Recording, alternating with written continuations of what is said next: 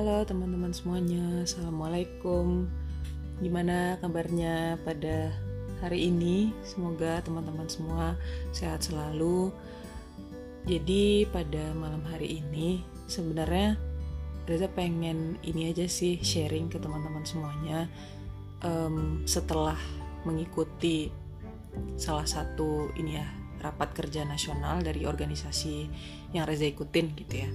Nah, um, jadi tuh mungkin ini kayak semacam apa ya evaluasi buat kita bareng-bareng gitu kan.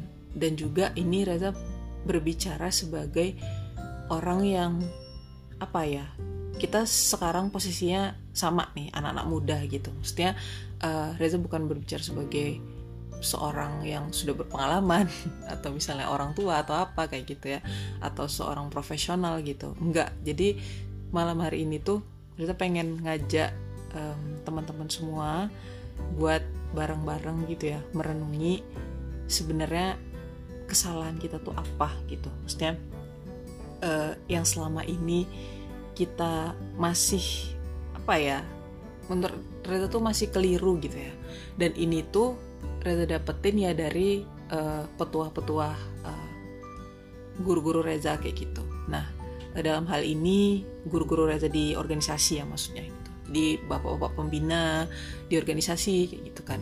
Nah jadi tuh oh ya mungkin pertama Reza pengen nyampein dulu. Nah jadi sejak Reza itu S1 dulu, nah waktu di tahun terakhir ya kuliah, nah itu Reza uh, daftar yang namanya organisasi tingkat nasional gitu ya namanya itu Masyarakat Ilmuwan dan Teknolog Indonesia klaster mahasiswa.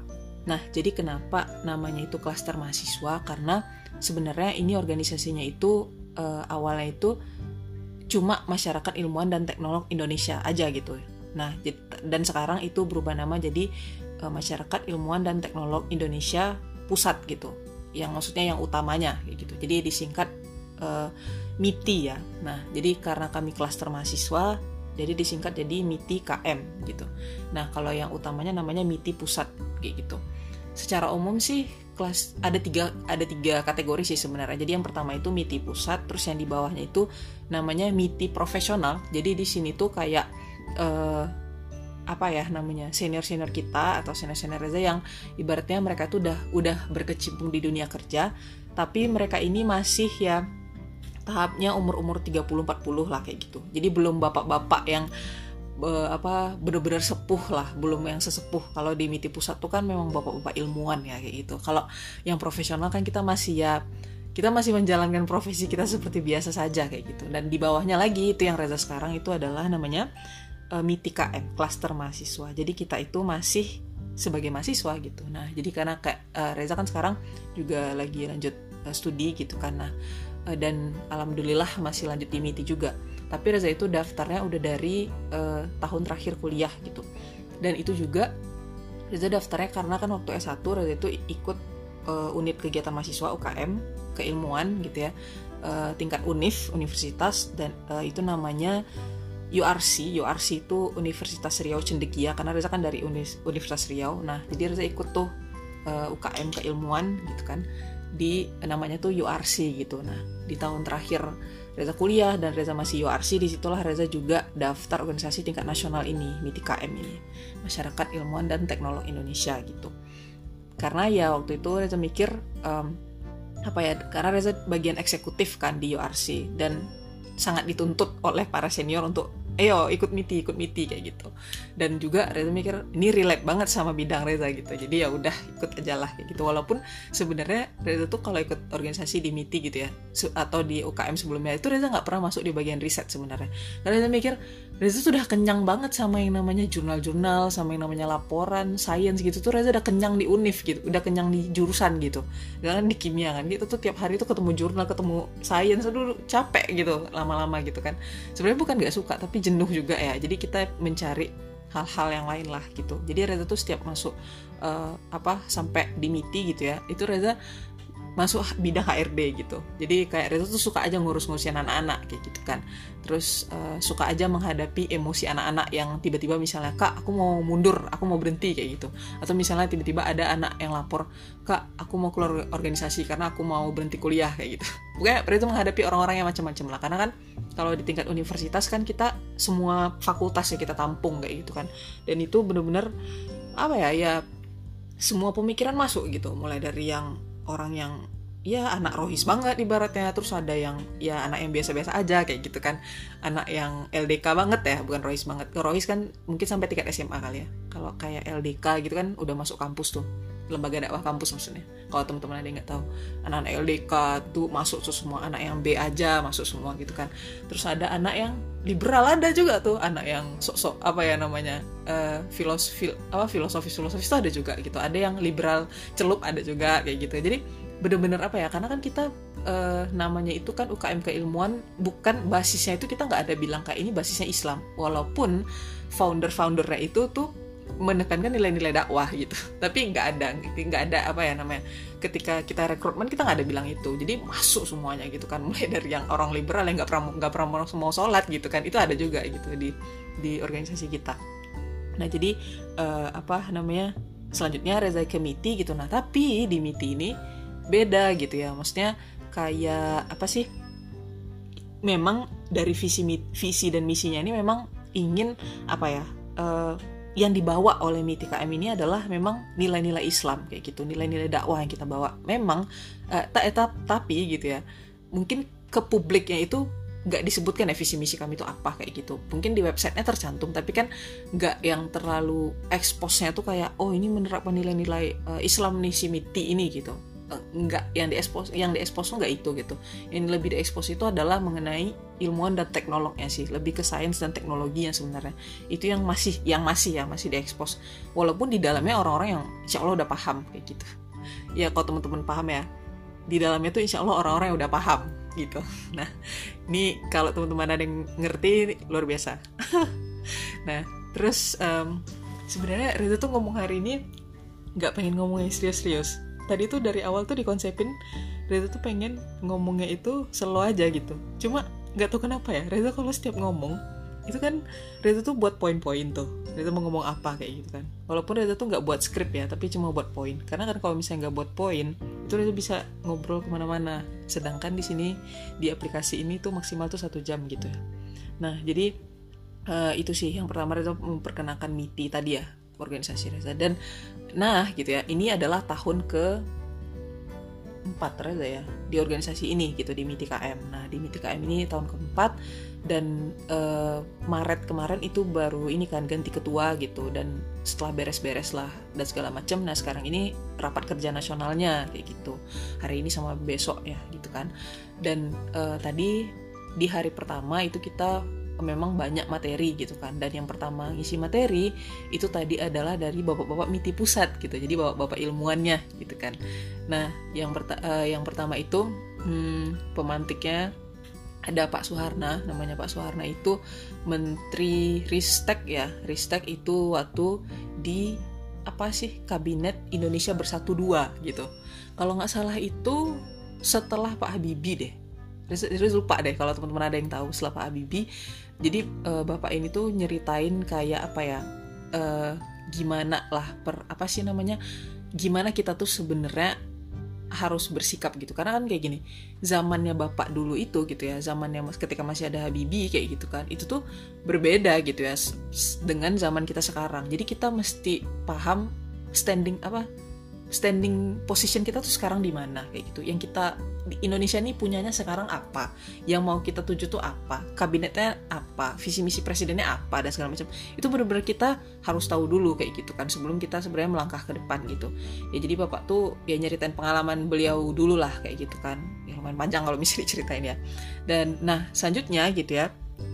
Selanjutnya itu ada Pak Warsito namanya. Pak Warsito ini adalah eh, ketua dari MITI pusat gitu. Nah, jadi ini MITI pusat nih, MITI pusat ini kan ibaratnya bapak bapak ibu kami lah di sana MITI pusat.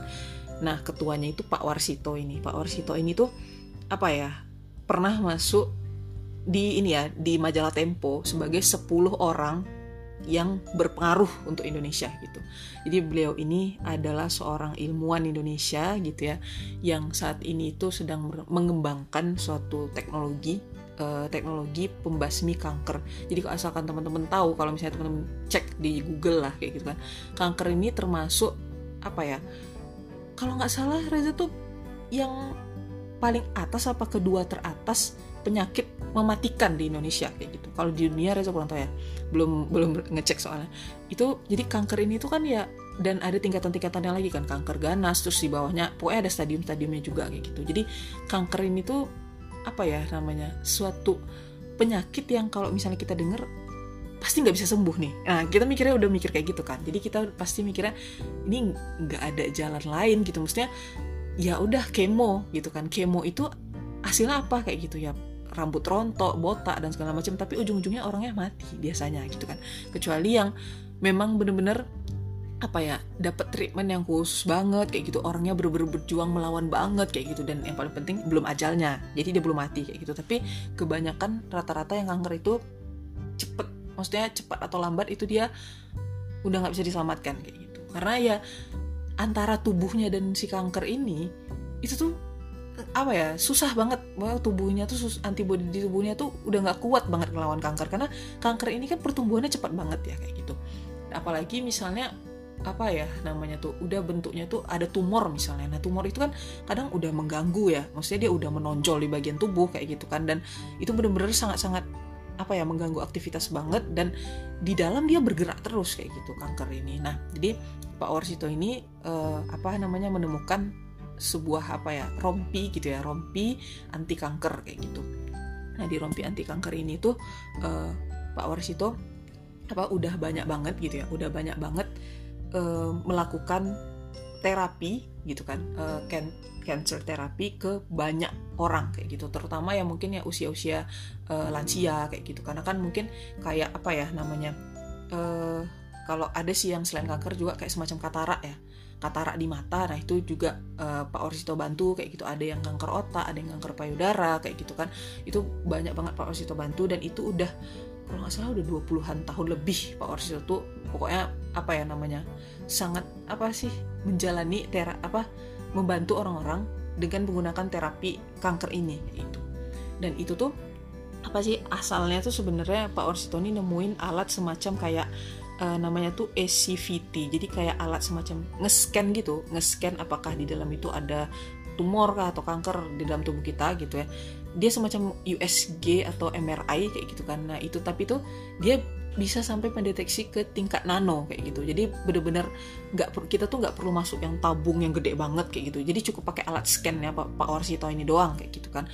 Dan itu apa ya riset pak Orsito tuh lumayan bertahun-tahun dan apa sih itu tuh luar biasa banget kayak gitu. Jadi Pak Warsito ini dia lulusan Jepang gitu ya lulusan Jepang dan uh, unifnya kebetulan sama sama Unifre Unifreza gitu. Jadi Pak Warsito ini lulusan Shizuoka University uh, tapi beliau itu sempat uh, satu tahun dulu di UGM dan setelah itu beliau dapat beasiswa ke Jepang kayak gitu. Itu beliau S1, S2, S3 nya di Shizuoka University. Pokoknya sampai dapat PhD gitu kan. Nah jadi itu uh, apa namanya pokoknya penghargaan beliau udah banyak banget kayak gitu kan. Cuma yang disayangkan ya itu penelitian beliau ini gitu ya pernah apa sih namanya bukan pernah ya maksudnya sampai sekarang itu masih sulit gitu ya masih sulit diterima di kalangan para dokter kayak gitu. Karena masih dianggap kayak uh, ngeri-ngeri sedap ya gitu. Kayak apa namanya terapi pakai rompi anti kanker ini kayak gitu. Karena karena dianggap kayak semacam membahayakan lah atau apalah kayak gitu. Padahal sebenarnya bayangin Jepang aja itu hampir apa ya alat itu tuh hampir dibeli sama Jepang gitu loh hak ciptanya gitu. Jadi kayak Jepang kan kalau untuk soal kayak gini mau ngeluarin biaya berapapun mereka kasih kayak gitu loh.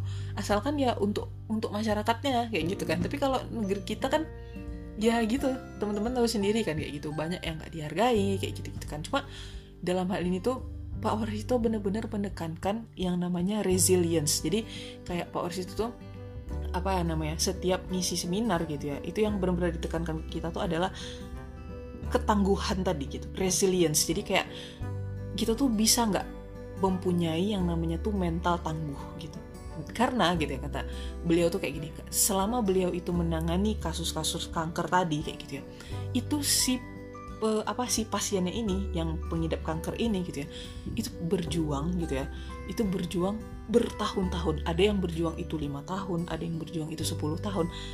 Tapi mereka-mereka ini tuh nggak putus asa. Jadi kayak misalnya misal mereka harus melakukan terapi dua kali seminggu selama masing-masing hari itu dua jam misalnya itu mereka lakukan tanpa putus terus terus terus terus sampai lima tahun sampai 10 tahun. Dan itu tau nggak teman-teman? Kanker yang dianggap nggak bisa sembuh penyakit yang nggak bisa sembuh kanker itu hilang loh. Bayangin bayangin. Gimana coba kanker itu bisa hilang dan itu tuh kata Pak Orus itu tuh apa ya namanya itu membutuhkan apa sih namanya suatu konsistensi yang luar biasa kata Pak Wasito gitu. Jadi konsistensi dan resilience, jadi ketangguhan yang luar biasa gitu. Jadi sampai 10 tahun teman-teman bayangin terapi kanker dan akhirnya sembuh.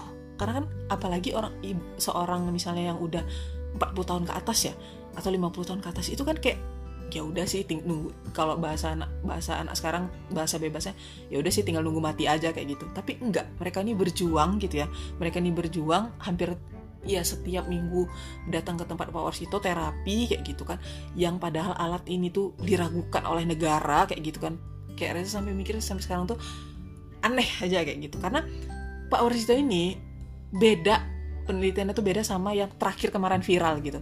Yang bilang air itu bisa jadi sumber listrik kayak gitu ya. Elektrolisis apa segala macam. Itu secara teori dasar sains saja udah salah kayak gitu. Tapi apa ya namanya ya mau gimana kayak gitu kan. Orang eh, kadang masyarakat kita ini latah ya kayak gitu. Kayak semua yang nggak dianggap oleh negara itu dianggap sebagai sesuatu yang udah perjuangan maksimal kayak gitu. Padahal nggak semua kayak gitu gitu. Jadi sampai ada yang kemarin teman-teman Reza di BTKM gitu ya. Itu itu ada yang ngebandingin kayak gini Reza lagi nunggu nasi masak itu udah masak. Nah jadi tuh teman-teman ada teman Reza di MITKM bilang kayak gini e, lihat nih Reza lupa nama bapaknya siapa yang elektrolisis itu yang yang dia mau ke Italia itu ya uji coba gitu kan. Nah uh, itu tuh dia bandingin sama Pak Warsito. Reza mikir aduh gak ada bandingan Pak Warsito gitu. Maksudnya untuk Indonesia saat ini bandingan Pak Warsito tuh gak ada gitu ya. Karena luar biasa banget kayak gitu kan. Maksudnya bandingan dia itu mungkin ada satu orang Pak Habibie. Udah itu doang bandingan Bapak Pak Warsito. Nggak ada yang lain.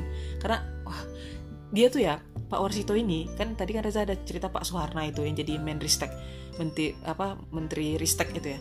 Itu sebelum Pak Soeharno itu naik itu sebenarnya mau dinaikin tuh Pak Warsito tapi Pak Warsito nggak mau gitu ya. Dan di situ tuh Reza kayak wah, luar biasa banget. Dan Reza sangat sangat beruntung banget berada di organisasi ini karena Reza tuh di di apa ya dibina di bener-bener di apa berguru sama orang orang yang benar-benar apa ya memiliki ketangguhan dan kesabaran yang luar biasa gitu loh berpuluh-puluh tahun mengembangkan riset di Indonesia dan beliau itu apa ya namanya menggagas untuk yang klaster mahasiswa yang biar kami mahasiswa-mahasiswa ini bisa mengembangkan uh, skill kami, keilmuan kami kayak gitu. Itu dia benar-benar memikirkan itu juga kayak gitu kan. Itu suatu apa ya kontribusi yang menurut Reza tuh luar biasa banget kayak gitu kan dan gak ada nilainya bagi Reza tuh kayak Reza mikir kalau misalnya nih selu apa ya 10% dari anak Mitika M aja tuh sukses itu pahalanya sama Pak Warsito. Wah kayak wah luar biasa banget lah ngalirnya kayak gitu kan. Kalau 100% anak Mitika M ini sukses gitu ya maksudnya itu sukses dunia akhirat gitu kan berapa banyak yang ngalir ke Pak Warsito. Dan selanjutnya kita kepikir lagi kalau Pak Warsito misalnya menginspirasi kepada Pak Habibie berapa banyak pahala Pak Habibie gitu ya. Makanya Reza kayak oh, luar biasa banget kayak gitu kan. Kita sampai sekarang Pak Habibie bunda meninggal kita masih terinspirasi sama beliau kayak gitu kan. Sampai film filmnya tuh ada tiga series ya. Walaupun ya ini sebagai seorang muslim kita mikir kayak uh, apa kayak di dalam film tuh adalah beberapa yang kita tuh mungkin aduh kok kok Bu Ainunnya ya apa ya namanya digambarkan gak pakai jilbab apa segala macam kayak gitu kan ya memang kenyataannya kayak gitu. Tapi kan kalau udah dibuat film itu kan pandangan orang tuh bisa jadi beda-beda ya. Macem-macem kayak gitu kan. Nah itu aja yang kita sayangkan. Tapi di luar itu kan kita benar-benar terinspirasi sama Pak Habibie. Nah jadi balik lagi ke apa sih Pak Oris itu tadi gitu kan. Jadi beliau ini benar-benar sampai sekarang mendampingi pasien kanker dan segala macamnya. Dan uh, beliau ini apa ya dosen gitu ya di di UI di apa jurusan fisika. Nah beliau ini sebenarnya tamatan teknik kimia kalau nggak salah. Cuma ya memang ya namanya anak teknik ya fisikanya bagus ya matematikanya apalagi ya. Karena kan kalau di fisika itu matematika matematika jago itu pasti fisikanya jago sih. Jadi kayak ah, luar biasa gitu Pak Warsito ini.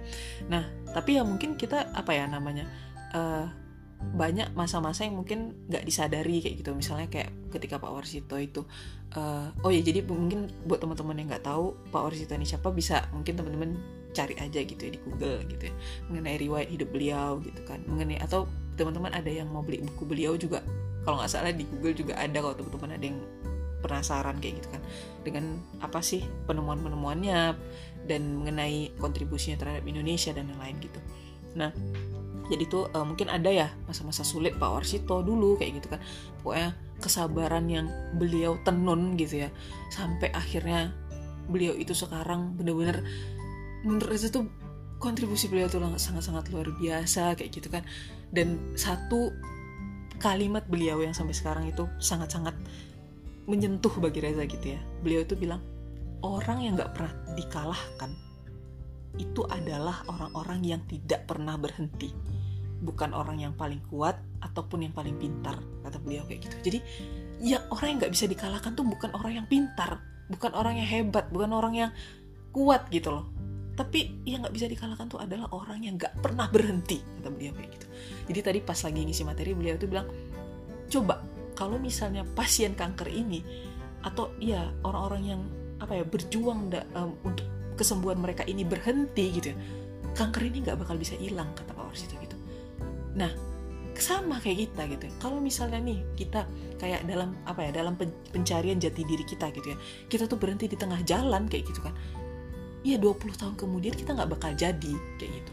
Oke okay, mungkin kita ada frustasi oh stres oke okay, segala macam itu nggak masalah kata Pak Oris itu gitu kan. Yang namanya hidup tuh pasti ada pasti ada stres pasti ada bingung kayak gitu kan. Cuma kembali lagi kata Pak Oris ini nanti yang mau Reza elaborasi juga.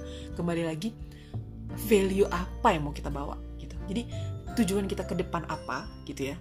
Terus jangan berhenti di tujuan itu tapi kita coba value apa nih yang mau kita bawa? Karena kalau misalnya kita tuh nggak punya value yang mau kita bawa kita tuh cepet lemes kita tuh cepet yang namanya tuh nyerah gitu ya. Kita cepet yang namanya bosen. Karena ketika kita ngelihat orang lain oh dia udah ciptain ini ya dia udah buat ini ya dia udah mengembangkan ini ya dia udah menginovasikan ini ya dan segala macam. Dan karena apa? Karena kita nggak punya value apa-apa gitu. Tapi kalau misalnya kita punya apa nih nilai yang mau kita bawa? Kayak gitu kan. Nah kalau kita punya nilai yang kita bawa itu kita dijamin gitu ya. Insya Allah gitu ya kita tuh akan membentuk yang namanya jalan-jalan gitu ya. Jalan-jalan menuju um, puncak tadi kayak gitu. Jadi misalnya apa ya namanya kalau bapak-bapak kita di MITI itu ngomongnya tuh apa ya?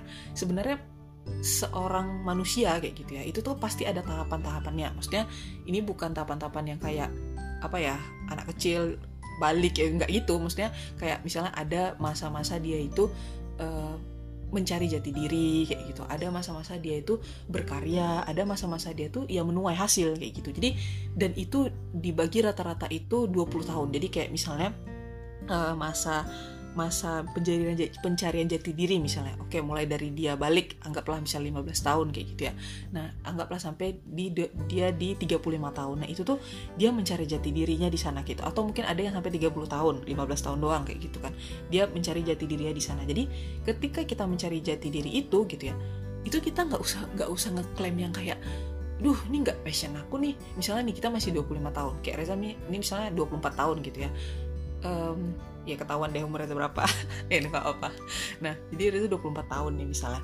Nah Reza tuh sekarang lagi mencari apa ya masih dalam fase mencari jati diri. Maksudnya mencari jati diri itu uh, apa ya itu include semua ya. Misalnya kayak kita pertama itu kita menemukan value kita terus kita tuh apa namanya menambah ilmu apa mengembangkan skill apa dan segala macam kayak gitu ya. Itu include semuanya. Dan misalnya nih misal contoh Reza 24 tahun. Dan uh, Reza tuh sekarang lagi menempuh studi misalnya kayak gitu kan. Dan Reza tuh lagi mas studi master misalnya. Nah Reza tuh ngelihat ada teman Reza yang misalnya nih dia ketika dia tuh lagi uh, eh, S2 sama kayak Reza kayak gitu kan. Nah dia tuh misalnya apa sih namanya tuh uh, udah bisa uh, mempublish paper apa kayak gitu kan. Nah dia tuh udah bisa yang namanya menciptakan apa sih namanya tuh forum atau komunitas apa kayak gitu kan. Membentuk ya maksudnya membentuk forum atau komunitas apa kayak gitu kan. Nah itu Reza tuh kayak kayak semacam ini jadinya down gitu kan. Kok aku sih umur segini masih gini sini aja kayak gitu kan. Padahal sebenarnya yang namanya kita di tahap menemukan jati diri kayak gitu kan itu kita nggak perlu yang namanya mengklaim kayak dia kok udah lebih dulu dari aku? Nggak perlu gitu udah gitu. Udah nggak apa-apa. Misalnya dia udah lebih dulu ya udah gitu loh. Ngapain itu terlalu kita permasalahkan gitu kan. Nah ketika misalnya ini Reza menganggap oke okay, aku sampai 30 tahun nih ya aku menem aku men berusaha menemukan jati diri aku gitu ya. Ini Reza disclaimer dulu ya maksudnya bukan menemukan jati diri bukan berarti kita kayak boleh apa ya maksudnya oh kita udah menemukan Islam nih kita mempertanyakan terus nih Islam yang benar nggak ya Islam ini benar nggak nggak gitu maksudnya. Maksudnya menemukan jati diri itu sebelum apa ya masa-masa gitu ya itu kita sorry ulang lagi takutnya ke apa ke blinger jadi mencari jati diri itu maksudnya adalah kita itu membentuk jati diri kita gitu kan bentuk jati diri kita itu menjelang usia 30 ini dengan menambah banyak sakofa, menambah banyak ilmu pengetahuan, menggali sebanyak-banyaknya pengalaman, mencoba apa pun kayak gitu. Kita berusaha semaksimal mungkin gitu ya untuk agar kita tuh kokoh ketika usia 30 atau 35 tahun gitu. Nah, nanti ketika 35 tahun gitu ya sampai berapa tuh kalau 50 20 tahun 55 tahun kita anggap sampai 50 tahun itu adalah usia gitu ya. Itu usia kita itu berkarya gitu. Jadi misalnya nih kita kayak Reza misalnya udah apa Reza bidang Reza tuh di science kayak gitu kan. Oke tujuan Reza ke depan tuh apa misalnya? Oke kalau misalnya misal misal misal aja ya. Misal Reza tuh pengen jadi peneliti peneliti di bidang spektros apa spektroskopi misalnya. Nah itu udah tinggal apa ya mikir oh ya aku berkaryanya tuh di bidang A B C kayak gitu. Oke aku oke kalau misalnya aku mau jadi dosen aku kayak gini gini gini. Aku misalnya mau daftar nanti atau misalnya aku mau ke NGO aku kayak gini gini gini. Atau aku misalnya mau ke sektor yang sifatnya itu um, lepas aja sektor ketiga atau apa sih kayak filantropi gitu ya filantropi. Nah jadi tuh itu tinggal apa sih namanya tuh kita tuh apa berkarya aja kayak gitu kan. Kita coba berkarya dari apa yang sudah kita tanam nih kayak gitu kan. Nah nanti ketika kita udah usia 55 tahun kayak gitu ya barulah kita di sana yang namanya itu mendidik generasi gitu. Jadi kayak mendidik generasi bukan maksudnya bukan baru mulai di sana ya tapi di situ kayak usia-usia matangnya kita mendidik generasi. Jadi kayak uh, apa sih namanya tuh kita memang berusaha. Misalnya nih kayak uh, apa namanya mendidik generasi kan dari rumah awalnya gitu kan mendidik anak-anak kita. Oke misalnya nih dari usia 25 tahun misalnya Reza nikah nanti kan misalnya 26 tahun punya anak misalnya gitu kan. Nah kita mencoba mendidik anak kita mendidik anak kita kayak gitu kan. Nah uh, sampai nanti kita uh, saat, pada saat kita berkarya sampai saat nanti kita usia 50 tahun kayak gitu. Nanti setelah 50 tahun itulah kita benar-benar yang namanya apa ya kan kita mateng tuh di usia itu. Kita mateng kalau misalnya kita masih hidup ya kita mateng di usia itu dan kita mendidik generasi dan berusaha untuk membangun yang namanya peradaban gitu. Karena kayak gini Reza tuh mikir apa ya namanya uh, iya kita itu memang harus peduli sama yang namanya sistem gitu ya. Kita tuh harus sadar kalau manusia-manusia ini gitu ya segala aturan ini apalagi misalnya kayak apa ya kita tuh pengen uh, aturan Islam tuh diterapkan secara merata, secara kafah, secara keseluruhan itu tuh memang mesti dari sistemnya. Tapi asal teman-teman tahu kalau misalnya nih apa ya namanya cuma kita tuh cuma mengubah sistemnya doang, tapi kita nggak pernah memupuk individu-individunya dengan jalan konsistensi tadi, itu nggak akan jadi gitu loh jadi kayak kalau teman-teman lihat kak ini Reza pengalaman aja ya kuliah kuliah di Jepang ya. Jadi Reza lihat langsung fenomenanya. Jadi asal teman-teman tahu sekarang itu para generasi lansia Jepang itu tuh bener-bener duh bener-bener khawatir tau nggak sih? Jadi kayak ini tuh ke, ke depan tuh mau ini negara mau diapain gitu. Maksudnya oke okay, generasi-generasinya dulu tuh membentuk habit yang luar biasa kayak gitu kan. Sampai terbentuk sistem yang kayak sekarang ini kita nikmatin kayak gitu. Tapi generasi mudanya sekarang mereka tuh benar-benar memikir untuk diri mereka sendiri kayak gitu. Jadi kayak mereka tuh nggak memikirkan lagi kayak ya udahlah nikah tuh nggak perlu kayak gitu loh. Aku ya mending pelihara anjing aja gitu kan. Kayak bahkan kayak kalau temen-temen tahu ya misalnya ada orang yang dorong-dorong troli bayi gitu ya. Uh, apa namanya? Apa sih namanya? Ya troli ya apa sih yang untuk dorong-dorong bayi itu. Nah itu tuh kalau misalnya teman-teman lewat gitu ya itu tuh isinya tuh bukan bayi tapi anjing gitu loh. Kayak Reza mikir kayak kok bisa? gitu kan. Maksudnya mereka orang yang mengaku paling apa sih saintifik di dunia penemuannya luar biasa yang kecanggihan teknologinya luar biasa tapi mereka nggak bisa tuh kayak berpikir nanti ini ke depan yang ngelanjutin itu siapa? Kayak gitu. Itu mereka nggak udah mereka nggak mau mikirin itu ngapain gitu capek kayak gitu kan. Bahkan tuh berapa apa ya ada prediksi gitu ya. Uh, itu tuh pernah denger uh, apa sih namanya podcastnya Ustaz Felix. Jadi Ustaz Felix tuh bilang ada website gitu ya yang count, countdown gitu ya menghitung mundur kematian penduduk Jepang kayak gitu. Jadi bener-bener wah gila kayak gitu kan. Nah jadi tuh apa sih namanya itu sih yang apa ya namanya kalau misalnya kita tuh nggak membentuk individu-individu tadi kayak gitu kan. Nah itu mengenai apa sih resilience gitu ya ketangguhan mental kita kayak gitu. Nah jadi tuh uh, itu juga yang apa ya membuat gitu kan dari sejak Reza tuh masuk di BTKM mindset Reza tentang ilmu pengetahuan, mindset Reza tentang kontribusi gitu ya, mindset Reza tentang kompetensi, bukan kompetisi ya, kompetensi tentang profesionalitas itu tuh bener-bener berubah karena uh, kita tuh di MITI KM gitu ya, di MITI ya secara umumnya itu yang paling ditegaskan itu tiga hal gitu ya. Ini jadi moto utama. Jadi um, moto utama tuh maksudnya dasar dasar kita ya tiga pilar utama itu adalah kompeten, profesional, kontributif. Jadi bener-bener kita tuh dimulai dari kompetensi dulu. Jadi kalau misalnya kita itu nggak punya kompetensi dan kita nggak bisa tahan bersabar membentuk kompetensi diri, itu kita nggak bakal dapet yang namanya profesionalitas. Jadi kalau misalnya teman-teman apa ya pernah uh, cari gitu ya, sebenarnya uh, profesional tuh apa sih gitu apakah profesional itu hanya sekedar kayak ya udah nanti kita di dunia kerja kita harus profesional misalnya kayak gitu kan atau profesional tuh apa sih sebenarnya? Kalau misalnya kita tarik lagi kan profesional itu kan juga seakar kata dengan profesi kayak gitu kan. Dan kalau misalnya teman-teman nyari profesi itu apa sih sebenarnya gitu kan. Dan yang apa ya yang paling mengagetkan ternyata definisi dari profesi itu bukan pekerjaan gitu. Profesi itu artinya apa sih namanya? Janji publik gitu. Jadi apa yang bisa kita berikan kepada masyarakat itu yang disebut profesi sebenarnya. Bukan hanya bukan sekedar pekerjaan kalau hanya apa kalau untuk apa sih namanya pekerjaan karir itu tuh chapter yang beda lagi gitu. Itu kata uh, Prof. Rene Suardono gitu ya. Pakar apa sih namanya beliau itu kan pakar ini ya tentang mengenai career dan segala macamnya kayak gitu kan. Tentang tentang passion tentang lain-lain kayak gitu kan. Nah itu beliau ngomong kayak gitu gitu. Nah terus juga kalau misalnya kita itu belum bisa mencapai profesionalitas, kita tuh gak menemukan sama yang the real meaning of kontribut kontribusi atau kontributif gitu ya.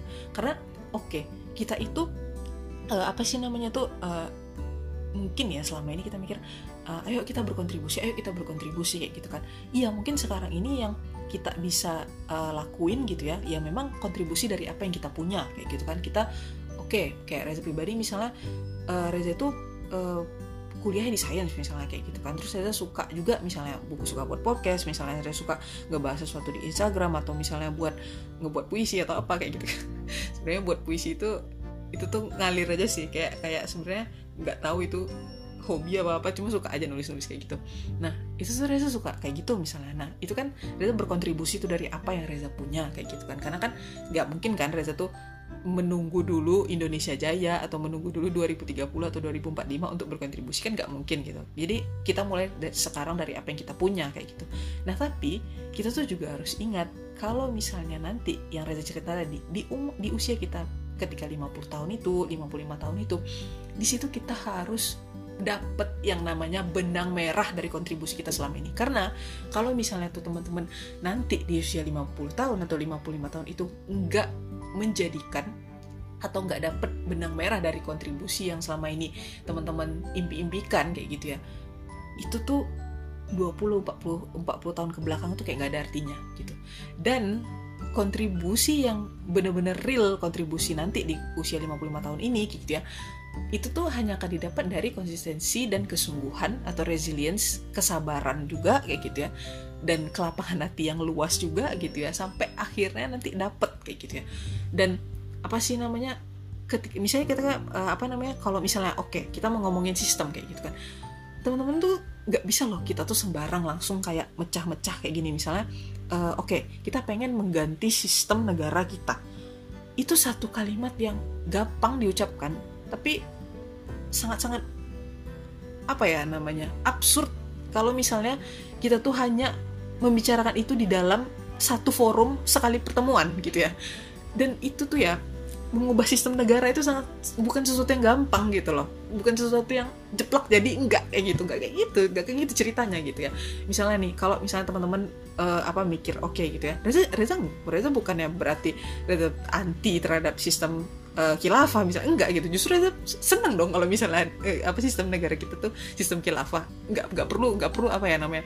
Misalnya enggak perlu kita susah-susah kayak mencegah orang maksiat langsung aja pakai ayat Quran gitu loh kan. Enak tuh gitu kan langsung mencegah apa namanya orang lain bermaksiat pakai ayat Quran langsung ngomong kayak gitu. Karena emang udah sistemnya udah kayak gitu gitu kan. Nah itu kan enak banget ya kayak gitu. Cuma nggak bisa kan langsung semata-mata kita ganti gitu loh. Kayak kayak gini. Uh, sebenarnya manusia-manusia ini gitu kan. Kita kita oke okay, Reza tuh gini kita tuh nggak boleh langsung ya berkacamata kalau bagi Reza kayak misalnya nih kita ngelihat oh kita ngeliat rakyat Indonesia ini buruk semuanya jelek semuanya penuh dosa semuanya. Nggak bisa kita kayak gitu. Karena kalau misalnya kita kayak gitu kita kapan mau berubahnya gitu loh. Karena kayak gini kita tuh melihat orang lain tuh pertama pertama kali kayak gitu ya. Kita ngeliat orang lain oke okay, ini tuh adalah sasaranku. Orang ini adalah sasaran dakwahku misalnya kayak gitu ya. Ini ada sasaran dakwahku. Gimana caranya orang ini bisa juga paham kalau oh Indonesia tuh lagi nggak bebe aja weh. Bangun weh bangun weh kayak gitu. Kayak kita misalnya lagi apa ya lagi ada apa sih namanya uh, apa sih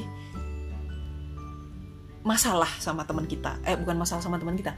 Misalnya kita itu lagi bermasalah satu kelas nih misalnya. Dan seorang dosen ini bilang kayak e, kalau misalnya kalian uh, satu kelas ini ada satu orang aja yang nggak ngerjakan apa yang saya bilang satu kelas saya hukum gitu. Nah itu kita kan berarti saat itu gitu ya kita tuh benar-benar ada teman kita yang tidur kita tampol. Ada teman kita yang masih malas-malasan kita. Weh ayo weh semangat weh semangat weh kayak gitu kan. Kayak kita tuh benar-benar mau semuanya gerak kayak gitu kan. Jadi kayak gak bisa kita tuh langsung apa nuduh-nuduh orang lain. Kayak eh ini tuh buruk ini buruk kayak gitu kan.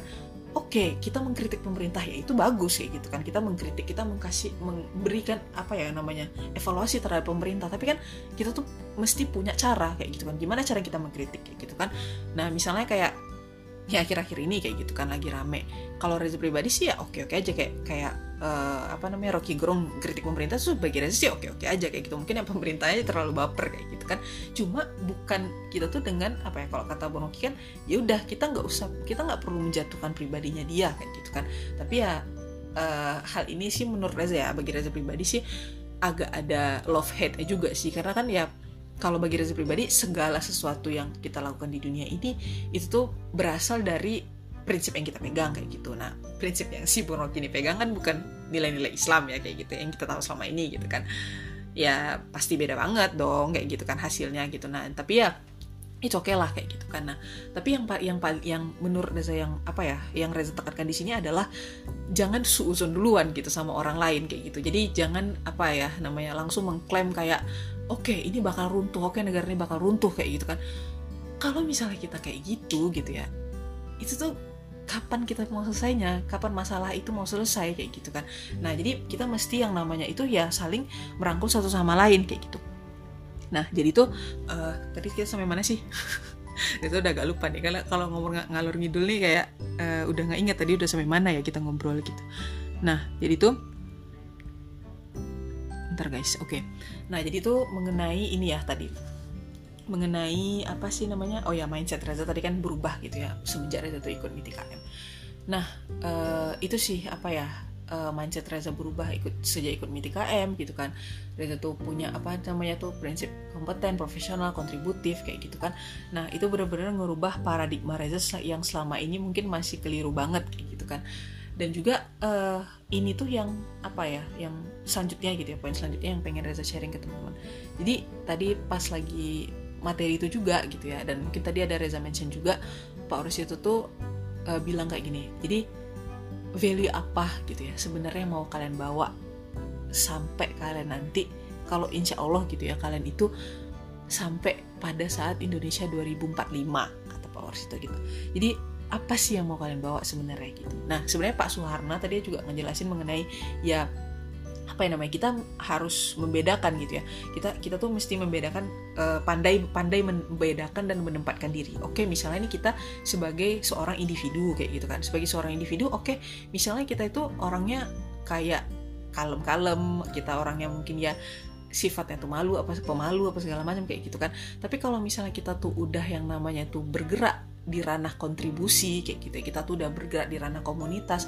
Itu jangan lagi kita tuh uh, apa sih mengutam apa mengedepankan yang namanya itu ya uh, sifat malu tadi. Sifat bukan sifat malu ya sifat malu-malu tadi kayak gitu. Maksudnya kita harus berani gitu ya. Maksudnya kalau misalnya kita kalau misalnya kita tuh udah yang namanya sifatnya untuk kontribusi itu kita lakukan apa pun yang insya Allah selagi itu di jalan Allah gitu ya. Selagi itu kita untuk dakwah gitu kata Pak Suharna tadi. Jadi kayak selagi itu untuk dakwah selagi itu di jalan Allah kita jangan malu kayak gitu ya. Kita mesti sampaikan kayak gitu. Kita mesti sampaikan kayak misalnya Reza di sini uh, apa kayak misalnya kami di MITI KM gitu ya.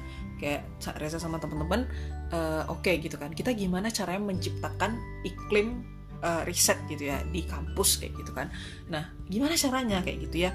Kita coba sekreatif mungkin seinovatif mungkin kayak gitu. Karena kita juga nggak bisa kan yang namanya misalnya kayak gini uh, apa oh oh, oh mahasiswa mahasiswa tuh ya apalagi yang suka suka riset apa segala macam tuh cuma mereka tuh kutu buku kayak gitu kan apa segala macam. Yang yang kayak gitu gitulah kayak misalnya mereka kutu buku kutu buku gitu ya lapar sebenarnya tapi ya udahlah ntar ntar lagi sekitar beberapa menit lagi lah ya. Karena ini belum sampai puncaknya. Ya Allah lapar banget.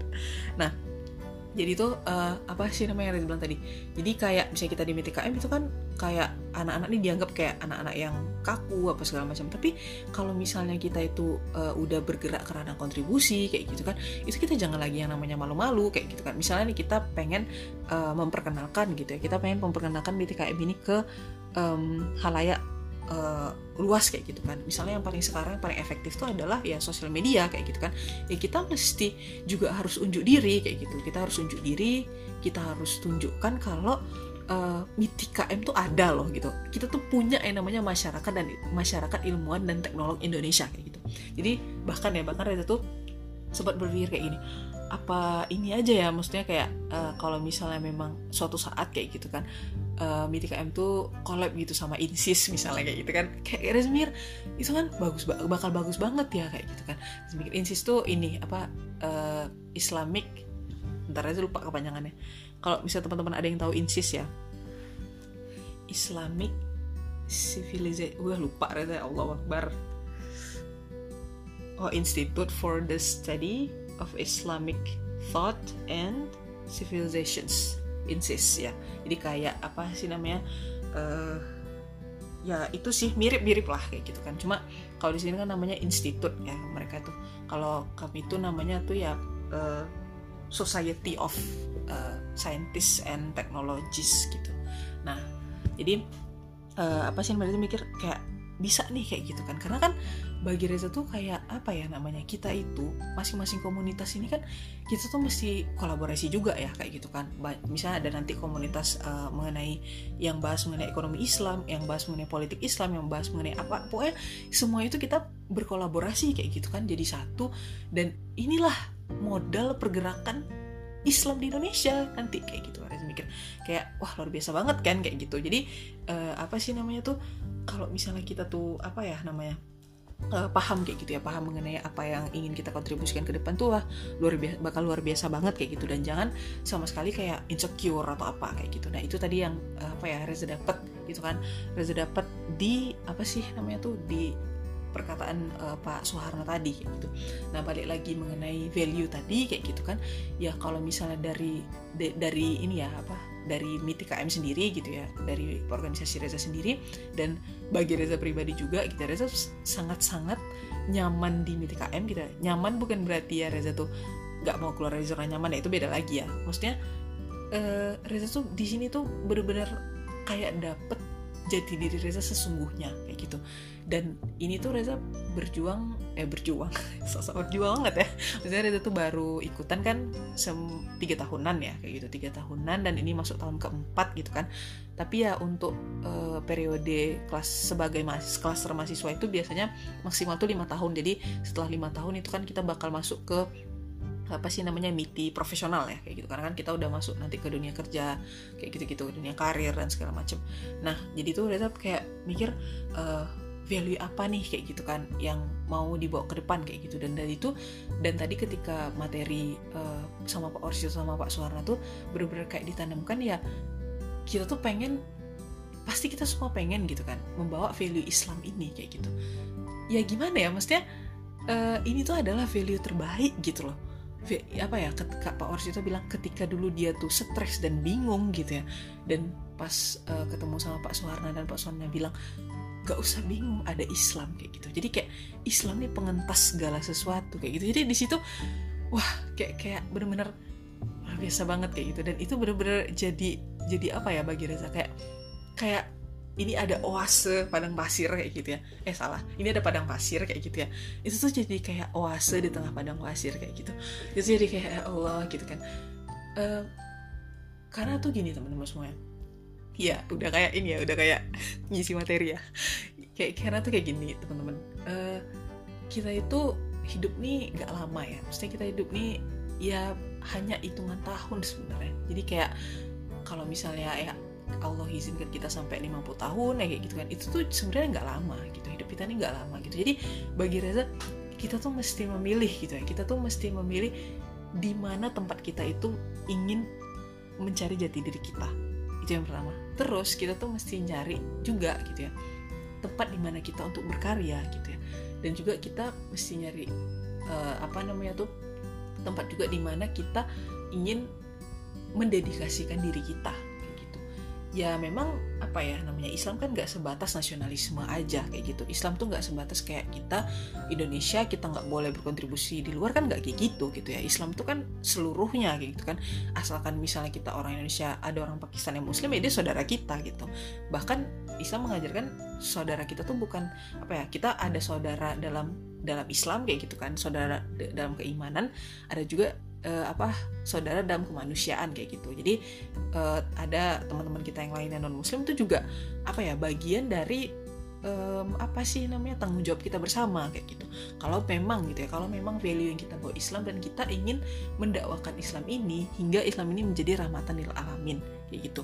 Jadi itu apa ya apa poin yang bener-bener nancep bagi Reza gitu ya. Poin yang bener-bener apa sih kena banget bagi Reza pas Reza itu uh, tadi uh, dengar materi kayak gitu ya. Walaupun pas lagi online apa walaupun materinya online kan kadang agak agak putus-putus ya suara suara bapaknya gitu. Tapi Reza ber, ber, ber, ber, berusaha banget tadi kayak apa ya biasanya kan Reza nyambi nyambi ya gitu. Astagfirullahaladzim sebenarnya nggak boleh kayak gitu ya. Biasanya nyambi nyambi tapi tadi itu bener-bener Reza simak banget kayak gitu kan. Dan tadi tuh atau teman-teman tahu ya Pak Suharna itu gitu ya tadi ngasih materi itu. Ngasih materi ke kita kita tuh tahu nggak bentuk slide beliau itu apa? Jadi isi isi slide beliau itu meme. Kayak itu tuh beliau itu tahu banget loh anak muda itu tuh gampang ke trigger kalau lihat meme gitu. Jadi beliau tadi tuh kayak ya udah di, dia tunjukin aja meme-meme yang banyak-banyak itu kayak gitu kan. Dan itu beliau dijelaskan dengan cara yang paling apa ya secara gamblang dengan cara yang paling sederhana gitu loh. Jadi kita tuh kayak dapet poinnya gitu nyes banget kayak gitu kan itu sih apa ya namanya uh, yang Reza pengen uh, share kayak gitu kan. Jadi eh, nggak uh, ada gitu ya nggak ada yang namanya uh, membentuk jati diri itu dalam semalam gitu. Jadi nggak ada yang namanya tiba-tiba kita itu misalnya uh, kan kalau uh, teman-teman pernah ini nggak baca kayak semacam padi yang dituai hari ini gitu ya itu nggak ditanam kemarin sore gitu. Jadi kalau misalnya Pak Orsi itu tadi ada kata-kata yang paling uh, Reza juga Pak Orsi itu bilang gini teman apa uh, adik-adik tahu nggak? Gitu jadi Pak Orsi itu selalu ngomong ke kita tuh adik-adik gitu ya. Kadang-kadang anak-anak tapi lebih sering adik-adik gitu ya. Pokoknya ilmuwan-ilmuwan di, di MIT itu kayak masuk mereka merasa masih muda gitu ya. Ya kayak gitulah semangat mereka tuh emang kadang melebihi kita kita yang masih muda gitu. Nah jadi tuh uh, Pak Orsi itu bilang coba uh, apa toge aja gitu ya itu tuh butuh tiga hari buat tumbuh kata itu terus apa lagi ya? Uh, bahkan ada tuh pohon jati ya. Pohon jati itu tuh butuh 80 tahun untuk bisa kita tuh bener-bener make apa itu untuk untuk dipakai gitu ya pohon jati itu. Itu bisa dimanfaatkan gitu kan. Jadi proses pertumbuhan itu 80 tahun gitu. Dan apa sih namanya? Pokoknya semua yang ada di bumi ini di dunia ini gitu ya itu butuh waktu butuh waktu gitu loh untuk menjadi sesuatu. Jadi nggak ada yang ujuk-ujuk tuh jadi gitu. Terus Pak Orsi tuh bilang coba tebak apa yang kita dapatkan hanya dalam waktu satu malam? Jadi Pak Orsi bilang gitu. Jadi bisa nggak kita mencari jati diri hanya dalam waktu satu malam gitu? Coba kita pikirkan apa sih kira-kira yang kita dapat kalau kita tuh hanya berpikir kayak oh, semuanya itu kayak dibalikkan uh, apa kayak membalikkan telapak tangan kayak gitu apa sih yang kita dapat hanya dalam semalam gitu? Terus Pak tuh bilang yang kita dapat dalam semalam tuh hanya satu yaitu mimpi kata Pak Orsi kayak gitu. Jadi maksudnya ya kan semalam kita tidur ya. Itu kan kita cuma dapat mimpi itu pun kalau kita mimpi gitu loh. Jadi kayak semacam tamparan banget sih bagi Reza. Kayak kita tuh pengen mendapatkan sesuatu yang wah banget gitu ya yang luar biasa banget gitu. Dan kita tuh nggak melalui perjuangan kita nggak nggak ada air mata yang tumpah. Kita tuh nggak pernah yang namanya tuh mengalami kesusahan kesulitan gejolak yang luar biasa. Terus kita pengen jadi orang hebat gitu katanya. Terus kita tuh pengen mempunyai uh, apa sih namanya suatu karya yang uh, apa sih luar biasa gitu kan. Suatu apa sih namanya jati diri yang kokoh dan segala macam. Tapi kita nggak berusaha untuk itu. Kita nggak berusaha untuk sampai kepada titik itu gitu loh. Kita kita kayak oh lagi tren ini kita ikut lagi tren ini kita ikut kayak gitu. Kalau misalnya teman-teman kayak gitu gitu ya kalau misalnya adik-adik kayak itu kalau kata Pak Warsito tadi itu ya insya Allah apa ya 20 tahun lagi ya kalau nggak jadi orang ya, jadi gini kita itu setelah kita mencari jati diri ini tadi mengkokohkan jati diri tadi setelah 20 tahun kata Pak Warsito gitu kan kita tuh ya apa ya namanya di hidup ini ya paling setelah 20 tahun tuh kita hanya punya dua opsi gitu. Pertama kalau nggak jadi orang kalau nggak jadi orang-orangan kata Pak itu gitu. Ternyata kayak aduh gitu kan. Maksudnya kita tuh kita tuh baru bentar banget berjuang tapi udah aduh gitu kan. Maksudnya udah ngeluh udah apa kayak gitu kan. Jadi kayak di sini mikir kayak aduh manja banget sih kayak gitu. Manja banget sih jadi orang kayak gitu kan. Dan itu bener-bener apa ya uh, tadi pokoknya materi Pak Orsito sama Pak Suwarna tuh bener-bener nancep banget di Reza kayak gitu kan. Dan ya ini apa ya sebenarnya podcast ini juga Reza apa sih namanya uh, jadi in apa ya semacam ya hmm, apa ya salah satu yang bisa Reza kasih juga lah buat MITI KM kayak gitu. Karena Reza selama ini sudah di didik gitu ya. Sudah ditempa sudah diajarkan sudah diberikan ilmu sudah di segala macamnya kayak itu kan. Reza kayak kalau kata Papa Reza tuh Papa Reza tuh bilang gini Reza nyangka nggak sih Reza tuh ketemu Miti gitu? Miti tuh jalan yang luar biasa loh Papa lihat gitu. Itu kayak apa ya walaupun di situ Papa Reza juga nggak tahu kalau Miti tuh yang membawa nilai-nilai Islam kayak gitu. Papa Reza nggak tahu tapi Papa Reza tuh kayak luar biasa ya gitu. Maksudnya agenda-agendanya bagus kayak gitu kan. Maksudnya kayak kami juga yang di klaster mahasiswa itu kan kita ber, apa ya kita tuh ada juga buat agenda yang kayak semacam PKM misalnya uh, apa namanya tentang apa mengembangkan riset kayak gitu uh, di di masyarakat kayak gitu kan kalau teman-teman ada ada yang tahu PKM ya program kreativitas mahasiswa yang kita ngajuin proposal terus didanain dan segala macam. Nah terus juga ada ini kita tuh membimbing mahasiswa untuk studi ke luar negeri untuk dapat beasiswa dan segala macam kayak gitu. Jadi kayak bener-bener Papa itu kayak itu apa ya uh, apa sih namanya ini jalan yang bagus buat Reza gitu kan. Bahkan buat karir Reza pun ini udah lebih dari cukup kayak gitu kata Papa Reza jadi kayak dimanfaatkan aja kayak gitu. Bahkan Papa Reza bilang uh, adik Reza kan dia sekarang kuliah tuh gitu kan. Nah nanti kalau Diva di tahun terakhir kuliah uh, apa namanya daftar aja ke gitu ke tempat uh, apa ke MITI gitu kan. Apa namanya kata adek, terus habis itu kata Reza masa ini uh, kakaknya ada di sana adiknya juga? gitu. Terus kata papa Reza ya bagus lah berarti regenerasinya jalan gitu. Ya iya sih bener juga gitu kan. Nah terus jadi kayak Reza tuh mikir um, apa rasa syukur itu tuh yang sampai sekarang kayak nggak habis habis gitu loh. Jadi kayak kalau kata apa ya uh, tadi gitu ya ada kata sambut bukan kata sambutan juga. Eh kata sambutan ya? Kata bukan kata sambutan penyampaian mat penyampaian presentasi gitu kan kita rakernas rapat kerja. Jadi presentasi dari ketua umum ya tadi. Nah jadi ketua umum bilang juga jadi kayak apa pun yang kalian bisa gali di MITKM, galilah itu sampai ke dalam-dalamnya kayak gitu. Jadi jangan disisakan sedikit pun kata dia gitu. Jangan sisakan ruang sedikit pun untuk menggali apa pun, entah informasi, entah ilmu, entah pengalaman kata dia kayak gitu. Jadi benar-benar apa ya? Dan juga uh, mungkin kalau teman-teman Reza di sini ada yang pengen masuk MITI juga ya sebenarnya nggak masalah sih kan organisasi kita nasional ya kayak gitu jadi uh, teman-teman bisa cek nanti di IG uh, MITI underscore cluster underscore mahasiswa gitu. Nah uh, itu teman-teman kalau open recruitment bisa daftar kayak gitu. Ya lolos nggak lolosnya ya nggak apa-apa gitu. Maksudnya ya kita yang namanya mencoba itu ya pasti ada ini gagalnya juga gitu. jadi mungkin itu sih yang pengen Reza sharing ke teman-teman semuanya.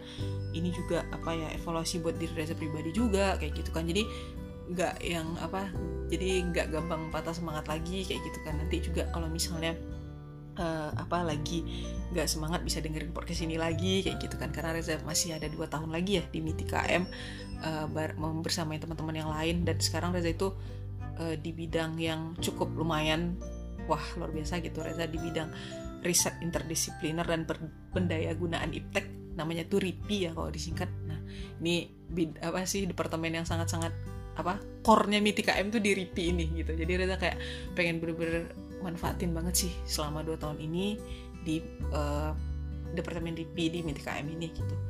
Oke mungkin itu aja ya teman-teman semuanya. Terima kasih banyak buat teman-teman yang udah mau dengerin dari awal sampai akhir kayak gitu kan. Eh, semoga teman-teman dalam keadaan sehat selalu dan selalu dalam lindungan Allah.